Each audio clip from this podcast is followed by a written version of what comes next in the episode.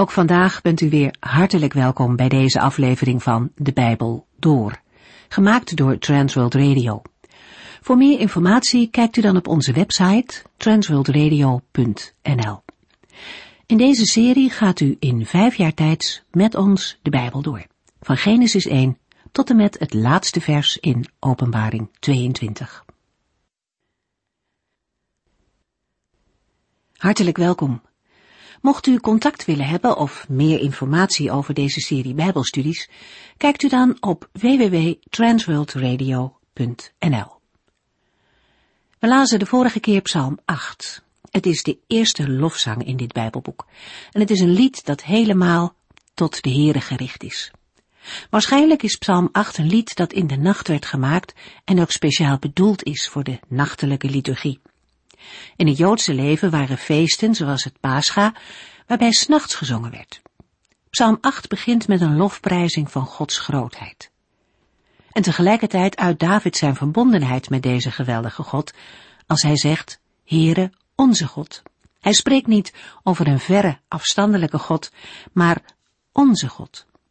Door dat te zeggen, erkent David ook het gezag dat God heeft over hem en zijn volk. Het is een voorrecht om onze God te mogen zeggen. Maar het schept ook verplichtingen. In dit loflied op Gods scheppingskracht stelt de dichter kleine kinderen ten voorbeeld. De Heere laat door hen heen zijn kracht zien. Zij eren hem en laten de tegenstanders van de Heere beschaamd staan. Alleen al het wonder van een nieuw leven is een eerbetoon aan de schepper. En is het ook niet vaak zo dat het geloof van kleine kinderen hun eenvoudige vertrouwen een voorbeeld is? Als David naar de grootsheid van de hemel kijkt, naar de maan en de sterren, dan voelt hij zich klein worden. Hoe is het mogelijk dat de maker van hemel en aarde omkijkt naar een mens? Een mens is immers zo klein ten opzichte van die grote God. En toch lezen we in deze psalm hoe groots een mens voor God is. Hij is de kroon op Gods schepping. God maakte mens en dier, maar alleen de mens kreeg een uitzonderlijke hoge plaats in de schepping. Hij kreeg ook het verstand om over de dieren te heersen. Als we nadenken over Gods geweldige werken, dan stemmen we haast vanzelf in met die laatste regels van Psalm 8. O Heere, onze God, de majesteit en glorie van uw naam vullen de hele aarde. Het karakter van Psalm 9 is onderwerp van discussie onder Bijbeluitleggers. Er bestaat geen overeenstemming over de vraag of het vooral een danklied is, zoals de aanhef doet vermoeden, of dat het een roep om hulp is, waarin wordt teruggegrepen op eerder ingrijpen van de Heere. Maar het lijkt erop dat David eerst de Heer in algemene termen prijst voor zijn ingrijpen in het verleden en daarna overschakelt naar een specifieke situatie. Met verschillende kernwoorden en uitdrukkingen na de overschakeling in vers 14 lijkt David bewust aan te sluiten bij zijn beschrijving van Gods optreden in het verleden. Alsof hij de Heer erop wil wijzen dat hij in vergelijkbare situaties ook ten gunste van David optrad. De lofzang komt met vers 15 ook in dat perspectief te staan. David wil graag openlijk de Heere lof toezingen, zoals hij die presenteert in de versen 2 tot en met 13. Vol vreugde wil hij in Jeruzalem vertellen hoe de Heere bevrijding brengt. Daarnaast is de relatie tussen psalm 9 en 10 belangrijk. Het is aannemelijk dat beide psalmen oorspronkelijk één lied vormden, vanwege de structuur op basis van het Hebreeuwse alfabet. De nummering van Psalm 10 sluit aan bij de nummering met Hebreeuwse letters van Psalm 9. Deze nummering is niet consequent doorgevoerd. De dalet ontbreekt in Psalm 9. Ook in Psalm 10 vinden we een onderbreking. Daarnaast zijn er thematische overeenkomsten en heeft Psalm 10 geen aanhef, wat ongebruikelijk is in het eerste hoofddeel van het Bijbelboek Psalmen. Ten slotte neemt de Septuaginta de beide psalmen ook samen. Dit alles pleit voor een oorspronkelijke eenheid. In de beide psalmen vinden we een opbouw in vier gedeelten. In het eerste, de versen 2 tot en met 13, vinden we een uiting van geloof en lof voor de daden van de Heer in het verleden. Daarna volgen in de versen 14 en 15 een pleidooi in nood. Het tweede deel wordt gevormd door de versen 16 en 17, en ook dat deel geeft uiting van geloof en lof voor Gods daden in het verleden. Met Psalm 9 vers 18 tot en met 10 vers 2 wordt ook het tweede gedeelte afgesloten met een pleidooi in nood. Deel 3 wordt gevormd door Psalm 10 vers 3 tot en met 11 met als inhoud een klacht over de huidige situatie. Psalm 10 vers 12 tot en met 15 vormt weer een pleidooi. Ten slotte vinden we het vierde deel in Psalm 10 vers 16 tot en met 18. Ook een uiting van geloof en lof voor Gods grote daden in het verleden. Een datering van Psalm 9 en 10 is moeilijk te geven, omdat er geen specifieke gelegenheid wordt aangegeven. Het opschrift van Psalm 9 schrijft dit lied toe aan David en dat is inhoudelijk goed mogelijk. Het is geschreven in een tijd van grote nood. Er lijkt te worden teruggeblikt op een bijzondere overwinning. De ark lijkt al in Jeruzalem te staan, terwijl David zelf niet in de stad is. Er zijn diverse grote oorlogen in het leven van David geweest, waarin deze psalm kan worden gesitueerd. Wellicht gaat het hier om de oorlog van David tegen de Ammonieten en Arameërs of Syriërs. Psalm 9 vers 1 Een psalm van David voor de koordirigent, te zingen op de wijs van de dood van de zoon. Het lied begint met enkele muzikale aanduidingen. De psalm is gericht aan de koordirigent. Het volgende gedeelte betreft waarschijnlijk een aanwijzing over de wijze waarop het lied gespeeld of gezongen moet worden. De dood van de zoon kan verwijzen naar een melodie van een al eerder gecomponeerd lied en heeft mogelijke relatie met Absalom. In de aanhef van de psalm wordt David genoemd.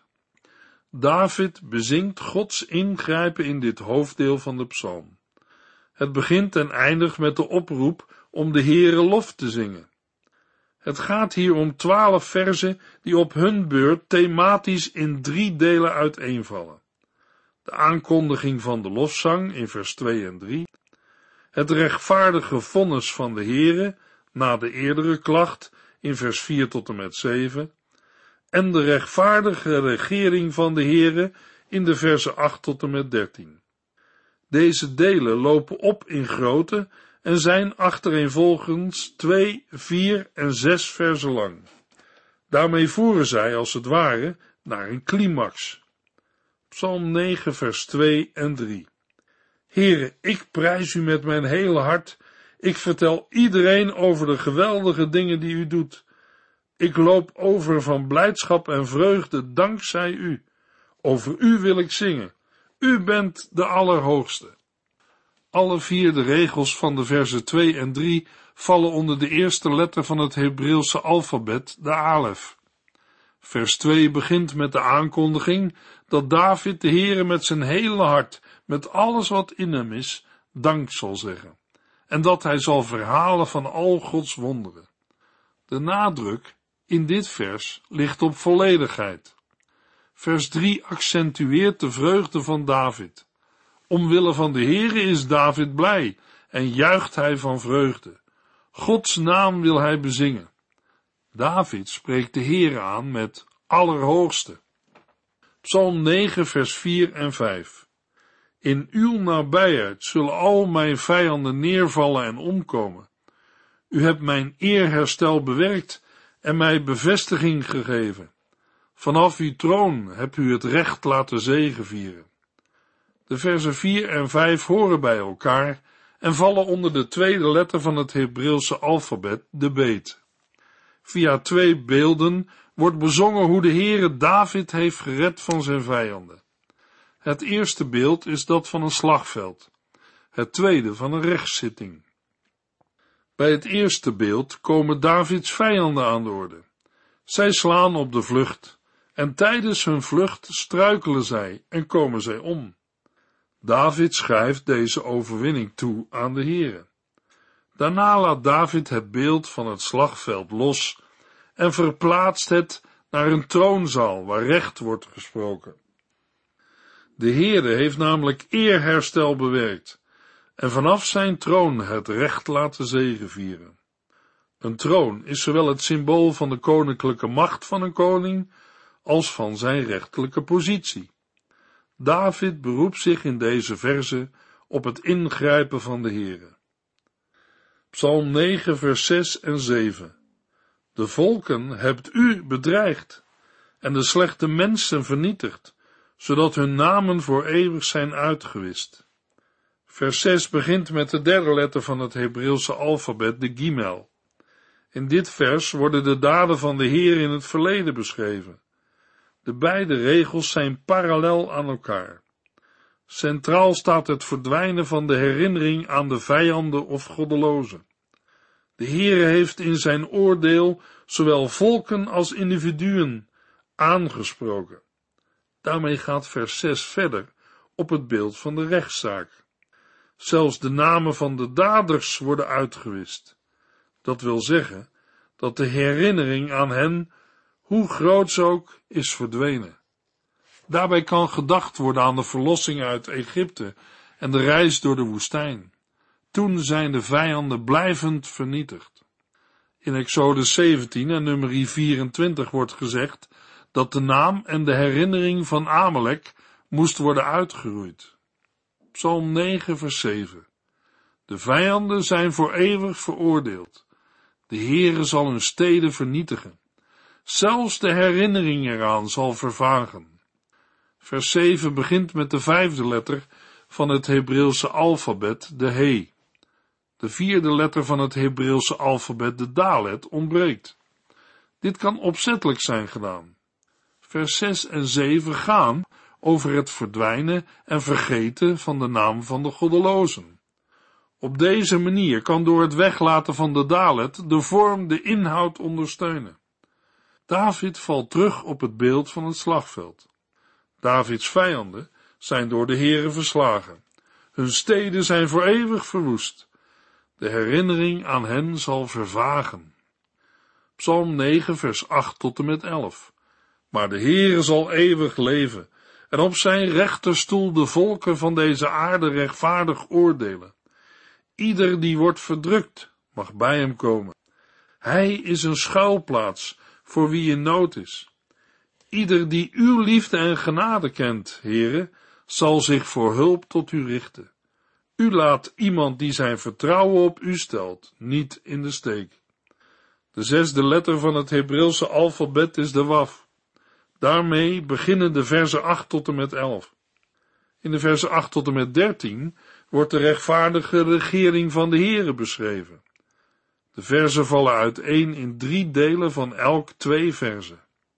Alle drie de delen bevatten de godsnaam in het eerste zinsdeel. Het eerste deel, vers 8 en 9, loopt parallel aan het derde, vers 12 en 13. Beide delen noemen het zitten van God op zijn rechterstoel in Jeruzalem. Door deze constructie valt de nadruk op de verzen 10 en 11 als het centrum van de verzen 8 tot en met 13. In de versen 10 en 11 wordt de Heer beschreven en geroemd als toevlucht voor iedereen in nood. Vers 8 begint met de verzekering dat de Heere eeuwig op de troon zit. God heeft zijn troon geplaatst om recht te spreken.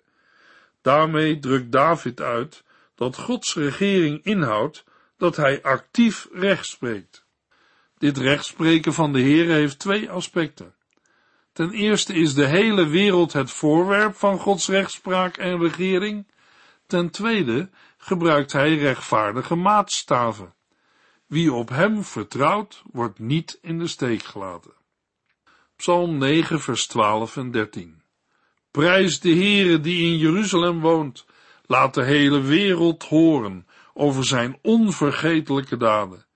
Hij die elke moord zal wreken, heeft een open oor voor hen die hem aanroepen om recht te vinden. De versen 12 en 13 beginnen met de zevende letter van het Hebreeuwse alfabet, de Zayin. David doet een oproep om de Heere te prijzen. Laat de hele wereld horen over zijn onvergetelijke daden. In het eerste deel van vers 12 roept David zijn hoorders op de Heere te prijzen die zitting houdt in Jeruzalem, in Sion. In het tweede deel roept hij op om onder de volken de daden van de Heere bekend te maken. Daarmee wordt ook duidelijk dat David in vers 6 niet alle volken tot de vijanden rekent. De reden van deze proclamatie is dat de Heere, die elke moord zal wreken, ook de roep van verdrukten, zwakken en vernederden niet vergeet. Daarmee grijpt David terug op vers 2 en 3 en rondt hij dit deel van Psalm 9 af. In het slot van Psalm 10 komt de lofzang opnieuw naar voren. De afwisseling tussen lof en dank en klacht en bede komt naar voren onder andere in Psalm 22 en 44. Psalm 9 vers 14 en 15. Heer, heb medelijden met mij. Ziet u wel hoe ik lijd door hen die mij haten? Ruk mij weg voor de kaken van de dood, dan kan ik weer openlijk uw lof zingen en vol vreugde in Jeruzalem vertellen hoe u bevrijding brengt.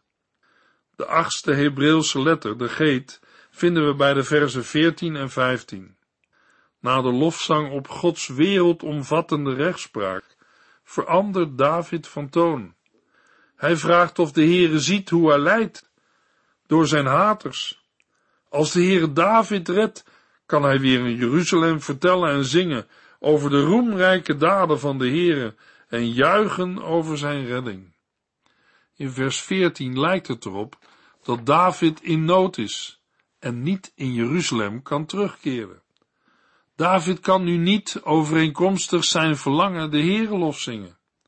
Dit gebruikt hij als argument om de Heere te overtuigen om in te grijpen. Psalm 9, vers 16 en 17.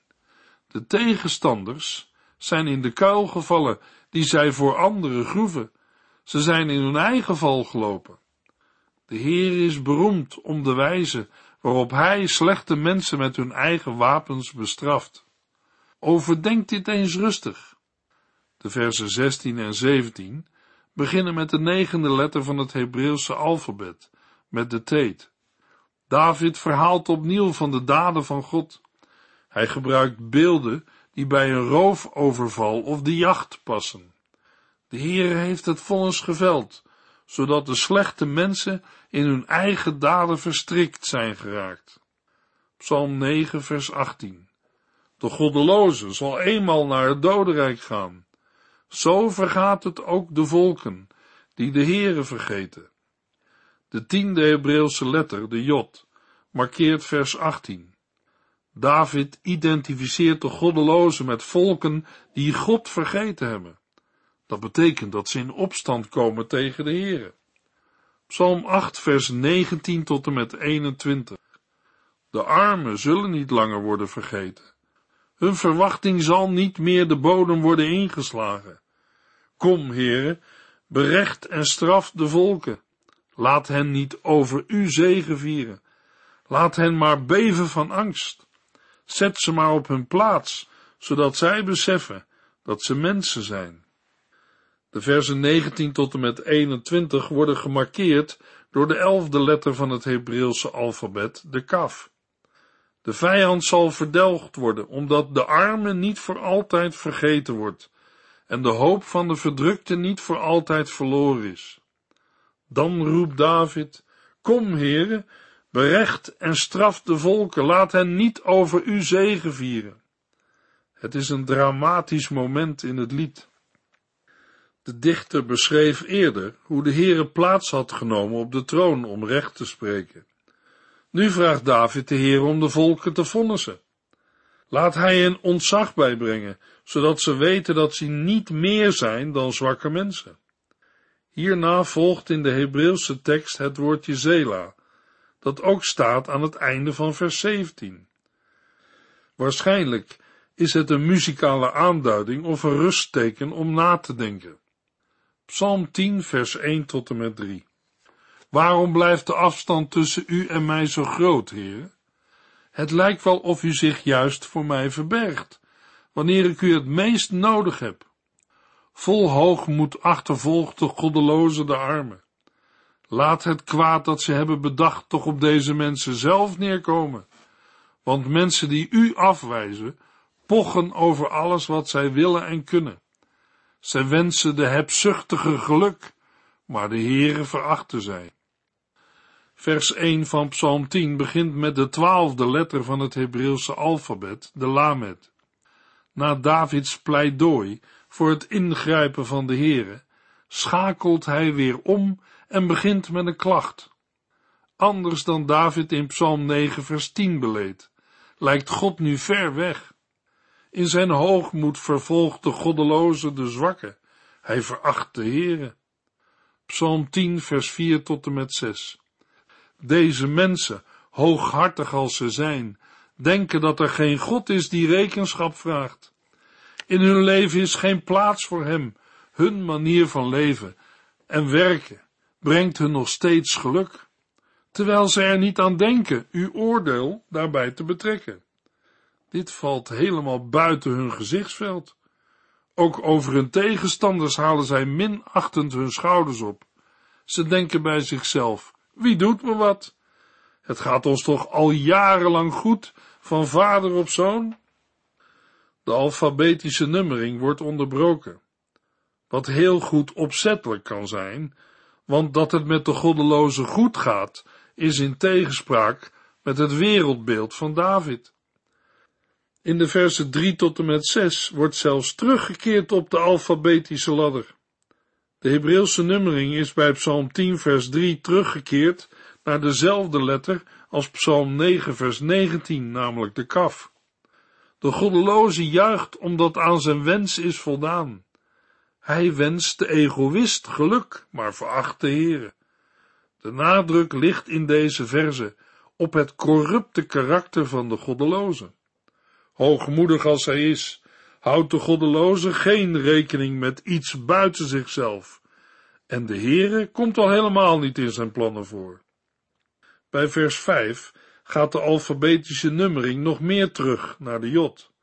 Het lijkt of de ondernemingen van de goddeloze voortdurend tot een goed einde komen. De oordelen van de Heere kunnen hem niet schelen. Over degenen die hem tegenstaan, haalt hij minderwaardig zijn schouders op. De goddeloze denkt bij zichzelf dat hij niet zal wankelen en dat heel zijn nageslacht geen kwaad zal kennen. Psalm 10, vers 7 tot en met 11. Bij het minste of geringste vloeken zij, altijd bedriegen en misleiden zij en bedenken zij onrecht. Zij bevinden zich vaak op geheime verblijfplaatsen.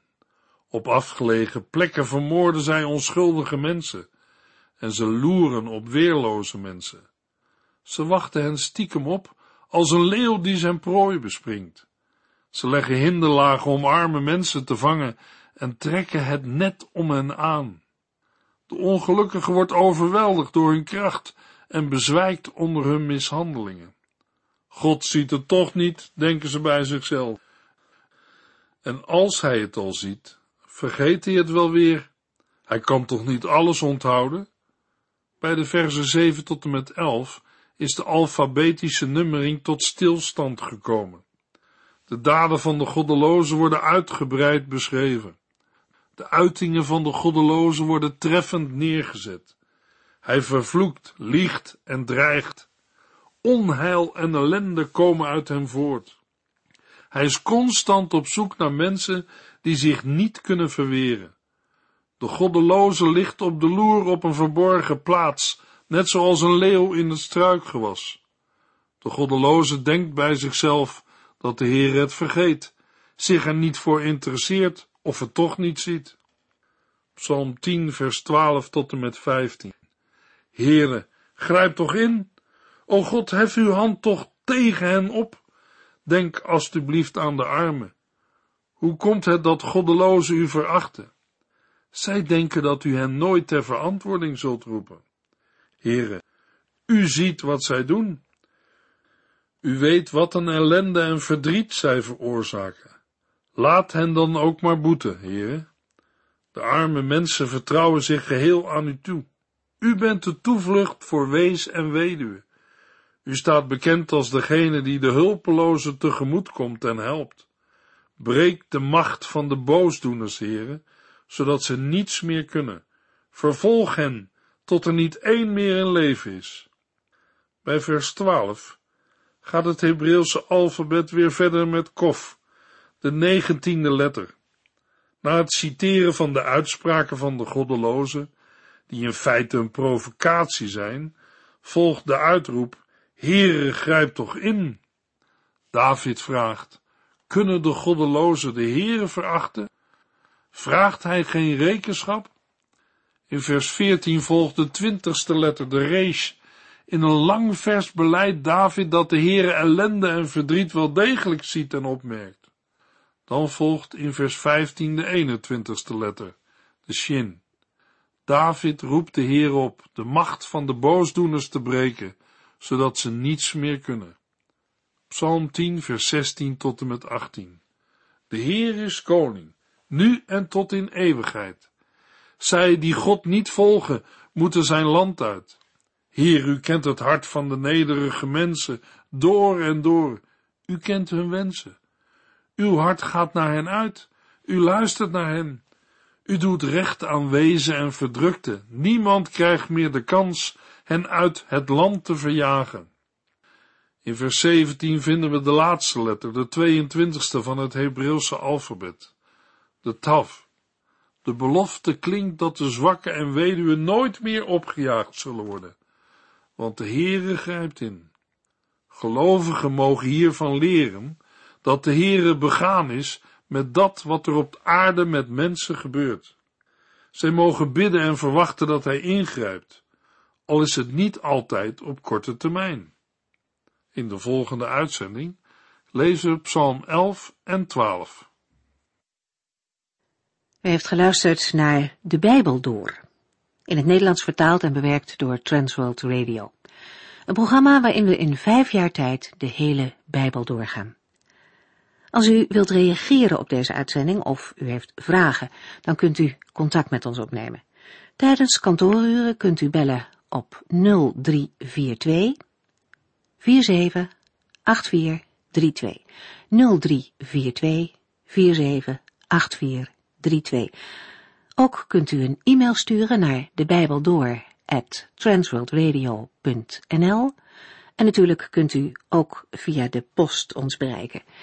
TWR, postbus 371, postcode 3770, AJ in Barneveld. Dit programma werd gepresenteerd door Cor Weda en Ike André. Techniek was in handen van Odin van Voerkom. En wij allemaal bedanken u voor het luisteren. Graag tot de volgende keer.